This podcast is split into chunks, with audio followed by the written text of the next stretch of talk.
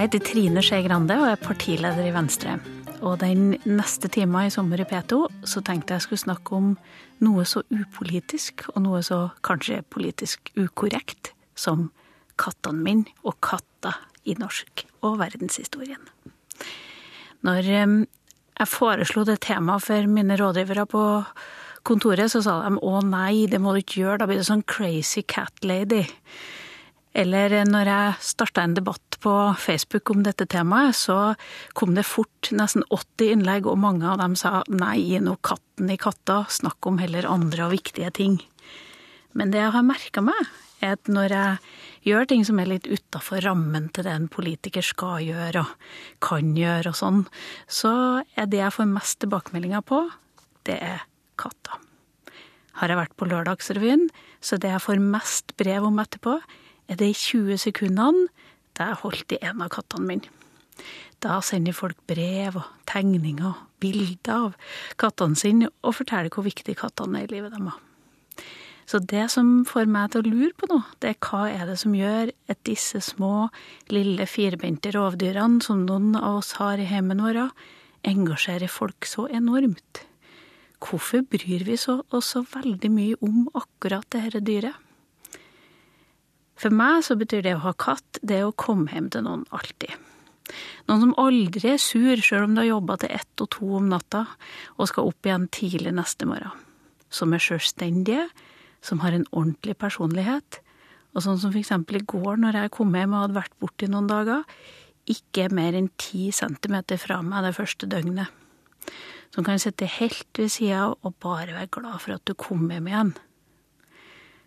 Jeg har alltid hatt katt. Nesten hele livet mitt.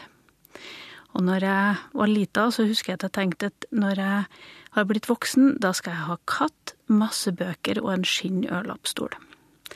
Har aldri hatt råd til den skinn ørlappstolen, men jeg har masse bøker, og jeg har to katter. Hva er det som gjør disse rare dyrene så fascinerende for oss?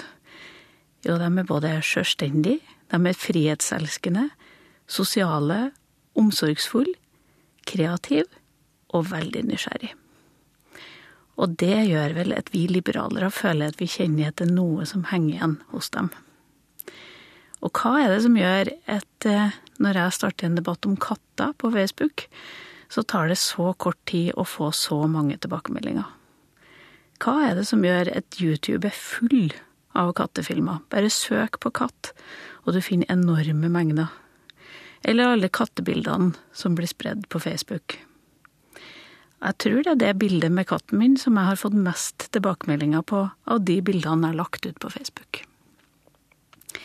På nettet finner du egne blogger om katter. Ja, du finner egentlig mange blogger som handler om katter og politikk. Så kanskje det er nettopp derfor at jeg som politiker har lyst til å snakke om katter. Mark Twain sa en gang at eh, det eneste dyret på planeten som ikke kan gjøres om til slave for mennesker, det er katter.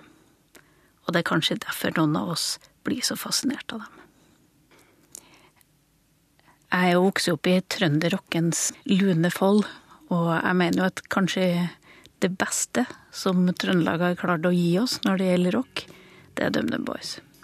Og DumDum Boys har en låt som heter nettopp Slave, og som handler om å ikke underkaste seg andre. Det vi hørte nå, var 'Slave' med DumDum Boys. Det har egentlig ikke noe med katt å gjøre, men eh, det er en veldig bra låt. Eh, og det er kanskje bra inspirasjon i hverdagen, spør du meg. Når jeg vokste opp, så vokste jeg opp med et uttrykk fra pappaen min om at eh, når du bare sitter og kikker på noen sånn litt tungt ut i løfta, og du spør 'hvorfor ser du på meg', så sa en katt så på en kong. Altså, det at jeg ser på deg, er like uviktig som om en katt så på en konge. Det er egentlig et engelsk uttrykk. Ja, du finner faktisk også i Alice i Wonderland sin bok, jeg tror ikke pappa hadde derfra, men eh, katter og konger, ja, de har prega historien vår veldig mye. Katter er over hele verden.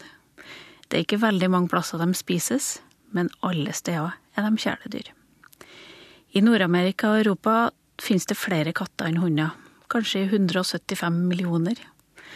Noen sier at det finnes 400 millioner katter i verden. Jeg liker hunder, jeg, det, så det er klart. Men det finnes flere katter, og kattene finnes flere steder i verden. De eldste sporene etter katten finner vi faktisk i Jeriko, der vi finner 9000 år gamle funn av kattetenner. Og i induskulturen for 4000 år siden hadde de katt.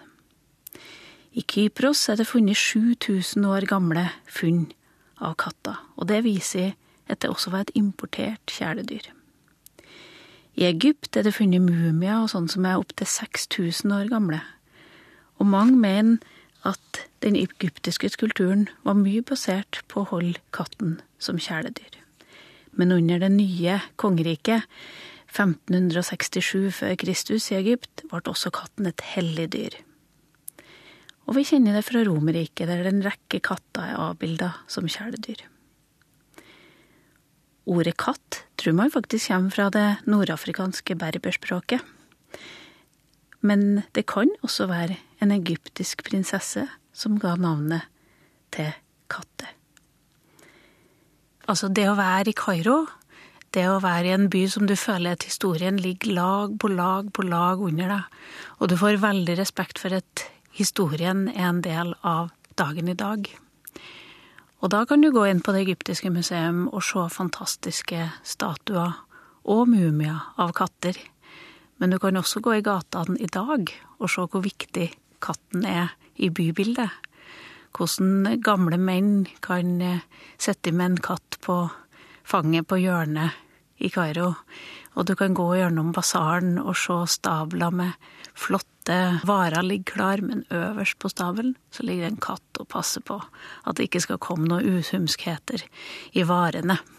Fordi at katten, det er den som tar vare på ting mens de andre dyrene er dem som ødelegger det. Musikk hører man gjerne på for å komme i en stemning, men også for å få energi. Og hvis jeg skal gi dere et godt tips om et norsk band som du virkelig får energi av, så er det Katzenjammer. Det er noen utrolig kule damer som det bare ikke er mulig å være sur og høre på. Man må bare bli glad. Derfor har jeg lyst til at vi skal høre Katzenjammer med en bar i Amsterdam. Man kan egentlig lure på om katter er snille eller slemme ut fra hvordan vi snakker om dem. Gerli Walla sa jo at hun ikke var noe pusekatt. Mens når damer skikkelig havner i slåsskamp, så heter det catfight. Et tyrkisk ordtak sier at dem som elsker katter, har en sterk tro. Men eh, det er faktisk sånn at katten ikke er nevnt i Bibelen en eneste gang, mens noen sier at hunder er nevnt der 18 ganger. Men de er grunnlag for veldig mye litteratur ellers, og viktig i historien. Blant annet så var det jo sånn at uh, i middelalderen så hadde katten vel sin dårligste periode. For dem som fant opp heksefordrivelsen og skulle ta bort alt det onde som djevelens verk var, de fant ut at katten skulle med i samme runde. Og hekseforfølgelsene var grusomme, men følgene av det at katten ble forfulgt, var enda mer grusom. Det at katten ble sett på som djevelens dyr i middelalderen, har fått store følger for oss. Ja, noen uttrykk har vi, som f.eks. at vi er mer redd svarte katter. Det henger tilbake fra det.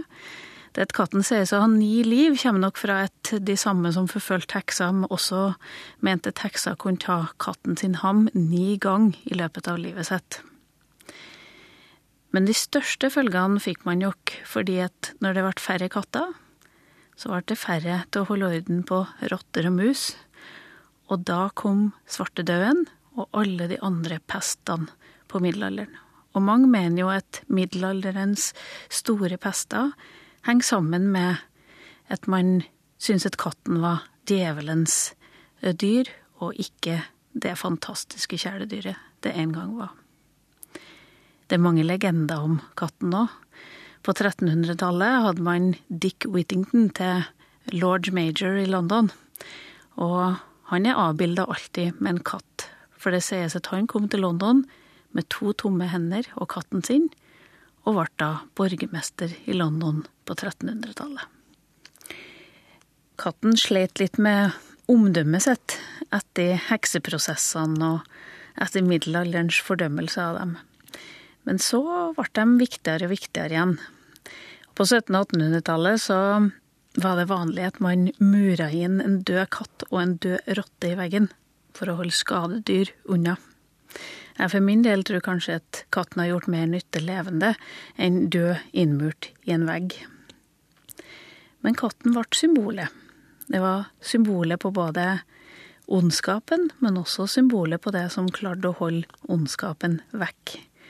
Og så ble den mer og mer populær som kjæledyr ettersom årene gikk, men først og fremst var katten en viktig skadedyrbekjemper. For i eldre lover, f.eks. i England, så finner du ut at prisen på en katt er mer enn prisen på en, både en gris eller en gjess eller høner. Ja, faktisk mer enn en sau kan en katt verdsettes som. Men hvis katten ikke fanger mus, så har den som har kjøpt den, krav på en tredjedel av prisen tilbake med en gang. Dette var så viktig at det faktisk var lovregulert i engelsk lov for mange hundre år siden, fordi at den katten hadde en viktig rolle.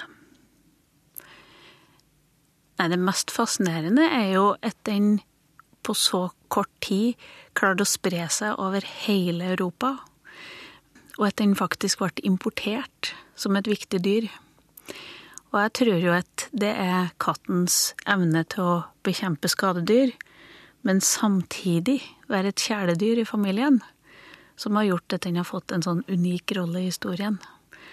Og det at noen tok med seg katter fra Nord-Afrika og rundt omkring i hele verden etter hvert som mennesket bevega seg, så bevega katten seg sammen med mennesket. Og at det har vært en sammenheng som de alltid har levd i. Og for å klare å overleve som menneske med all den søpla og alt det vi lager rundt oss, vi mennesker, så må vi ha noen som holder litt orden rundt oss. Og det har vært katten sin rolle. Det er mange musikere som har òg latt seg inspirere av katter. Mange av de store operamusikerne på 1700- og 1800-tallet gjorde det. Den siste og mest kjente som vi har fått en hel eh, musical som med navnet Cats, var Andrej Lodweber sin, som kom i 1981. Og fra den tenkte jeg at vi skulle høre Memory, så klart. Katten sitt liv består mye av søvn. Katten er et dyr som sover nesten to tredjedeler av livet sitt. Det er nesten dobbelt så mye som andre pattedyr. Og så er det et veldig renslig dyr. For den 30% av den tida den er våken, bruker katten på å vaske seg. Det er mange som er stolt over kattene sine. Det fins byer som er stolt over kattene sine det Hvis du kommer til en by som Kairo eller Roma eller Istanbul, så ser du hvor viktig katten er. I Kairo sine bakgater spankulerer stolte afrikanske katter med høye, spisse ører. I Roma kan du kikke ned på store utgravingsfelt der katter styrer alt. Små kattekolonier kan du faktisk finne i Roma, der de lever i sitt eget lille samfunn. I Istanbul vandrer kattene rundt i basaren og er sjefer. Sjefer over alle de små butikkeierne som skjønner at det å ha noen katter gående i en basar er veldig bra for å holde skadedyr unna. Sånn har også katten hatt funksjon i Norge.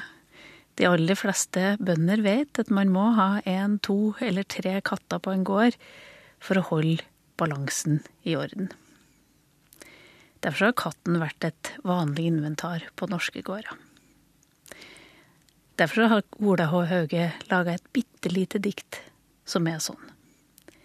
Katten sitter i tunet.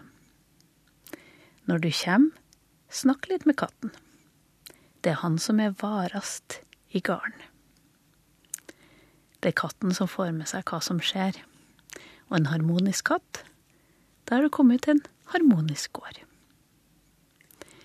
Det finnes også mange typer ville katter rundt omkring i verden. Og det at vi har frakta katten rundt som husdyr, har også gitt at vi har fått mange villkatter rundt omkring.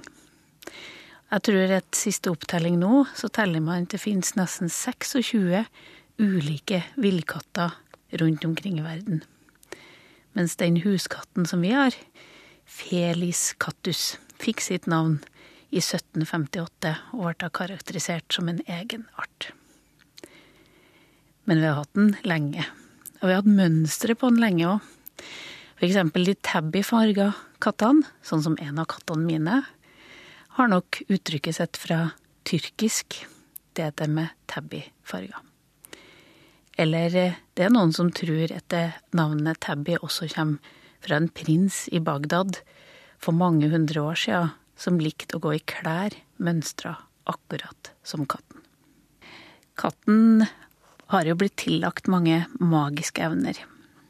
Men hvis man tenker litt på det, så er jo rotter og mus vært alltid de store formidlerne av sykdom.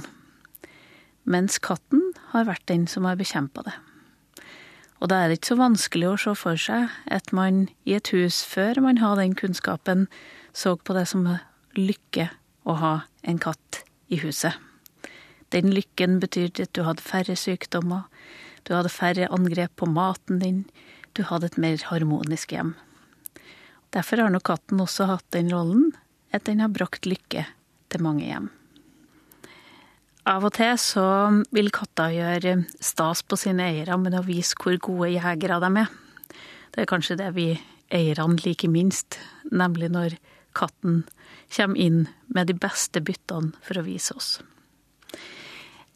Mine slektninger i USA opplevde en gang at katten sto der med et eh, ekorn i munnen. Eieren ropte på pappa, og pappa kom til for å prøve å få dette ekornet ut. Når ekornet ble sluppet ut av katten, så viste det seg at det var langt fra dødt. Og den kampen mellom ekorn, katt, datter og pappa vrasende gjennom huset, over alle gardiner, og nesten raserte et helt hus før det var mulig å jakte de to tilbake, ja, da sto katten veldig lavt i kurs etterpå. Det er vel kanskje omtrent så lavt i kurs som Rolling Stones syns det var når de skrev 'Look what the cat dragged in'. Det er nok ikke ofte vi snakker om katter på Stortinget i dag. Jeg vet ikke helt om katter har egentlig noen posisjon i norsk politikk, men de har hatt en posisjon opp gjennom historien. Churchill hadde en katt som var med på statsråd under krigen som satt i lokalene hans og var en del av hele staben under krigen. Tradisjonen med at man i Downing Street 10 har en egen katt, det følger man opp videre, så både Thatcher og Major har sin sir Humphrey. Oppkalt etter rollemodellen i Ja vel, statsminister. Noe som også symboliserer at under dem så var det egentlig katten som bestemte. I amerikansk politikk har det også vært masse katter. Carter hadde en siameser, men den mest kjente siste tida er nok Clinton sin katt som het Sox. Den forvilla seg en gang inn på pressetalsrommet, og noen hadde stor glede av å sette den opp på sjølve talerstolen, sånn at det var Sox som var den offisielle eh, kommentatoren for politikken til Clinton. Det var ikke noe bakdel for Clinton. Det førte faktisk til at når Clinton skulle gjenvelges, ble det laga egne buttons med 'Keep socks for more years', med bilde av katten som pressetalsmann for Clinton. Jeg har to katter. De heter Esmeralda og Nelson. Oppkalt etter barne-TV på 70-tallet. Esmeralda etter fru Pigalopp sine to katter. Hun har hatt Esmeralda og Hagbart. Men ettersom jeg har hatt en gullfisk som het Hagbart, så gikk det ikke an å oppkalle noe katt etter det. Men Esmeralda, hun er der. Nelson er selvfølgelig oppkalt etter Pernille og Mr. Nelson.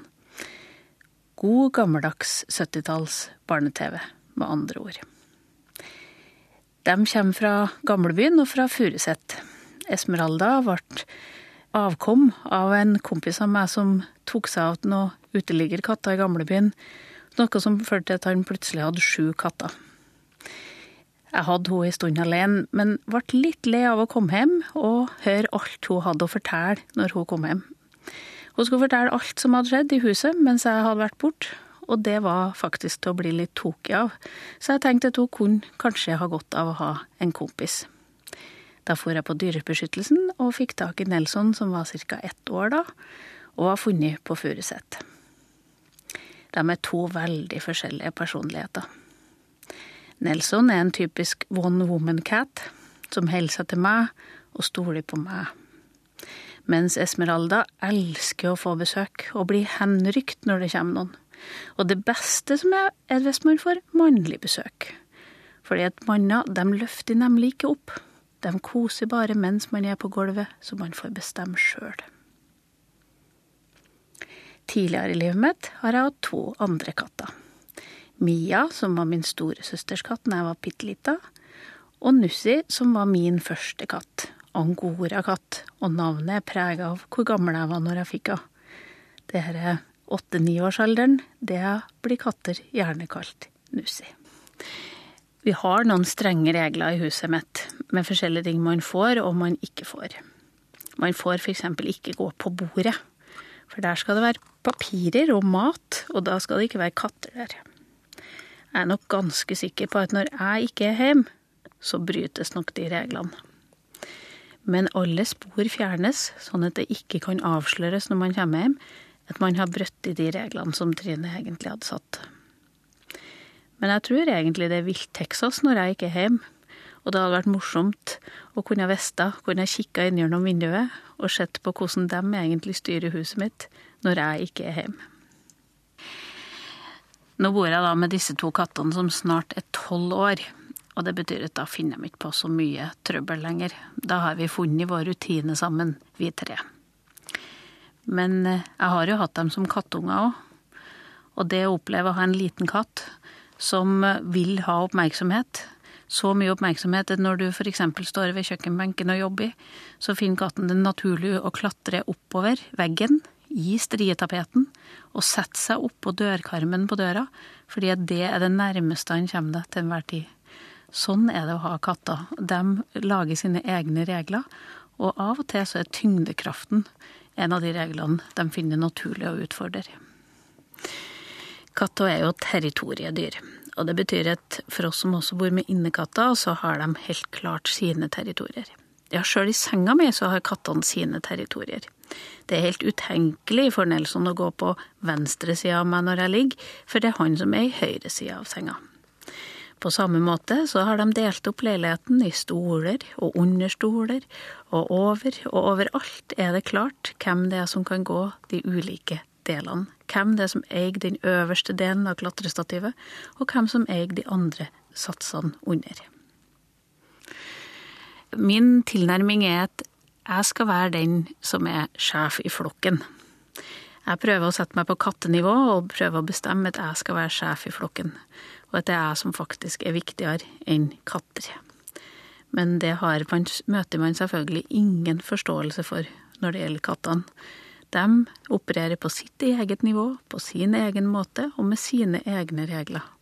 Og det er bare til et visst nivå de skjønner at jeg faktisk er større og sterkere enn dem, og at det er faktisk mitt sitt hjem de får bo i. Jeg er jo et barn av 80-tallet et eh, barn av 80-tallet også når det gjelder musikk. Og det betyr at eh, noen bra ting på 80-tallet syns jeg at vi faktisk skal gi kred for. Og en av de tingene er The Cure. En av kattene jeg har, nemlig Nelson, han har jeg fått av Dyrebeskyttelsen i Oslo. De fant den på Furuset. Han var ca. ett år, og jeg har lært meg litt om det hjemmet han kanskje kom fra. For de første årene han var med meg, så var han veldig redd barn. Har det ikke vært for Sara i andre etasjen til meg, som er kjempeflink med dyr, så hadde han nok sikkert vært redd barn fortsatt. Og så var han veldig redd at det kom masse folk, og at det kanskje skulle være fest. Da gjemte han seg langt under senga og ville ikke komme ut. Jeg mener at et samfunns styrke, det er hvordan samfunnet behandler sine svakeste. Det gjelder både mennesker, men det gjelder også hvordan vi klarer å behandle dyr. Derfor er det like forferdelig hvert år å lese alle historiene om folk som dumper kjæledyr når sommeren kommer. Det beviser at det er noe ved menneskeligheten hos oss, nemlig vår evne til å ta vare på andre, som er for svak. Og så tenker jeg med gru på at noen av disse familiene kanskje også har barn. Hva er det vi lærer de ungene om å ta vare på andre, det å ha ansvar for andre, hvis vi lærer de ungene et kjæledyr er noe man dumper fordi man skal på sommerferie? Og i år også så hørte vi mange fæle historier rundt omkring i landet om dyr som var dumpa i søppelcontainere, dyr som var dumpa på turveier, og dyr som bare var satt ut for å dø fordi at det ikke passa å ta vare på dem lenger. Jeg tror at eh, det å klare å ha en dyreomsorg som er god, sier noe om også hvordan vi tar vare på mennesker. Det å lære unger å ta vare på dyr, være glad i dyr, ta ansvar for dyr, og lære seg at det å ha ansvar for ting gir også store gleder. At det å leve et liv der noen faktisk avhenger av deg, er et mer rikt liv enn du bare er avhengig av deg sjøl. Det er noen som gjør en flott innsats av alle de dyreorganisasjonene som tar vare på og tar ansvar for mange av de hjemløse dyrene. Og Derfor syns jeg det var viktig når jeg skulle ha en katt, at jeg kunne gå og hente en som kanskje noen andre ikke ville ha. Derfor er det viktig også at vi tar ansvar for de dyrene vi har, at vi merker dem, og at katter blir sterilisert hvis de ikke skal brukes i avl. Det handler om å gi dem et bedre liv, men det handler først og fremst om at vi ikke skal ha masse dyr rundt oss som vi ikke kan ta ansvar for. Dyrevelferd og det å ta vare på dyr, det er en utfordring som er felles for oss. Da jeg reiste ut på Nordstrand i Oslo, på ja, det heter faktisk Katten, der det huset ligger, at Dyrebeskyttelsen har sitt kattemottak. Da hentet jeg Nelson, som var ca. ett år. Men det som gjorde mye inntrykk når man var der, var jo alle de gamle pusene som ikke var der for omplassering, men som var der fordi de var sterke personligheter. Det var gamle katter som hadde levd sine liv i byen. På godt og på vondt, og som nå har funnet en pensjonisttilværelse på det kattehuset ikke fordi de var mulig å omplassere på noe vis, men de var så store personligheter at de gikk ikke an å sende på de evige jaktmarker heller. Det var en tre-fire sånne som gikk rundt, og som var ordentlig sjefer i huset. Og det har vært morsomt å høre demma sin historie av livet i Oslo, sett fra en katts synsvinkel, på godt og på vondt. De har sikkert mye beskrivelse av Oslo som vi andre aldri kunne fått. Jeg bor i Oslo. Sjøl om kanskje ikke dialekta mi tilsier at jeg skulle gjøre det, så har jeg bodd halve livet mitt i Oslo. Veldig glad i Oslo. En av eh, de musikerne som liksom catcher litt sommerstemning i Oslo, er sjølsagt Lillebjørn Nilsen. I hans sin sang 'Fin frokost' så er det faktisk også med en katt. For når man skal spise frokost med venner, så må katten være med. Vet dere at katter er bra for helsen? Det å ha katt er viktig for mange av oss. Det er viktig for dere har noen å komme hjem til, og noen å ha ansvar for, og noen å kose med på kvelden. Men det er faktisk vitenskapelig bevist at alle kjæledyr har en helseprofitt. Kattens maling er beroligende på oss som mennesker enda det er en veldig rar lyd. Du kan faktisk ikke finne ut helt hvor katten lager det. Eller vi vet ikke om katten bestemmer det sjøl om han lager den lyden eller ikke. Men den beroliger oss mennesker. Det er faktisk sånn at myk pels og våt snute, det er veldig bra for oss mennesker. Det var en som beskrev det som å få en lykkedusj. Hjerneforskning viser at følelsen også er fysisk. Vi får en liten lykkedusj av kjæledyr. Du får faktisk doser med de viktige stoffene i hjernen vår som gjør at vi blir lykkelige. De påvirker det som heter kroppens autopilot. Stoffer som produseres og sendes ut i kroppen vår På samme måte som vi gjør eksempel når man får holde i sitt eget barn. Hjerterytme, blodtrykk, stressnivå senkes. Sannsynligheten for å få hjerteinfarkt reduseres faktisk. Og skulle et hjerteinfarkt inntreffe, har pasienter tre til fire ganger større sannsynlighet for å overleve hvis de får ha kontakt med kjæledyret sitt. Nå ser vi at også man bruker hunder og katter mye mer på sykehjem, f.eks. Et eldre finner god glede i å ha et kjæledyr å snakke med og kose med. Vi ser f.eks. at man bruker katter og hunder til å lære barn å lese. At det å lese høyt for et dyr, det er ikke så skummelt som å lese høyt for voksne eller hjemmealdrende. Det å lese gæli, det er ikke så skummelt når det bare er en katt som ligger i fanget ditt og hører på, enn når det er noen voksne mennesker. Det å våkne med en liten bløt snute som maler inni øret ditt, det er faktisk det minst irriterende jeg kan tenke meg. Det er faktisk noen av de beste måtene å våkne på jeg kan tenke meg. Det er faktisk fordi at noen bare vil kose litt med deg og mene at du kan våkne nå og gjøre det. Jeg kan faktisk oppleve at hvis jeg har vært lenge borte, så våkner jeg av at katten ligger rundt halsen min for det er liksom det nærmeste den kan komme. Det er nærheten mellom dyr og menneske tror jeg mennesket har mye å tjene på. Det å kunne ha noen som er nært deg, men som likevel ikke er så krevende, kanskje det er det som passer det moderne mennesket litt. Vi som har litt sånn forpliktelsesangst, så er det å ha en katt en passe forpliktelse. Et passe ansvar og en passe dose av omsorg man skal gi, og som man får. NRK har bare gitt meg ei time. Jeg kunne sikkert ha snakka enda lenger om katta, men det er ikke sikkert du hadde orka å høre på. Det er sånn at eh, når det er fest hjemme hos meg, så er det én låt man setter på når man skal gå hjem. Og det er Nancy Griffith sin sang 'Late Night' et Grande hotell. Og når jeg spiller den, da skal dere gå hjem. Derfor så avslutter jeg i dag min prat med dere med nettopp den sangen.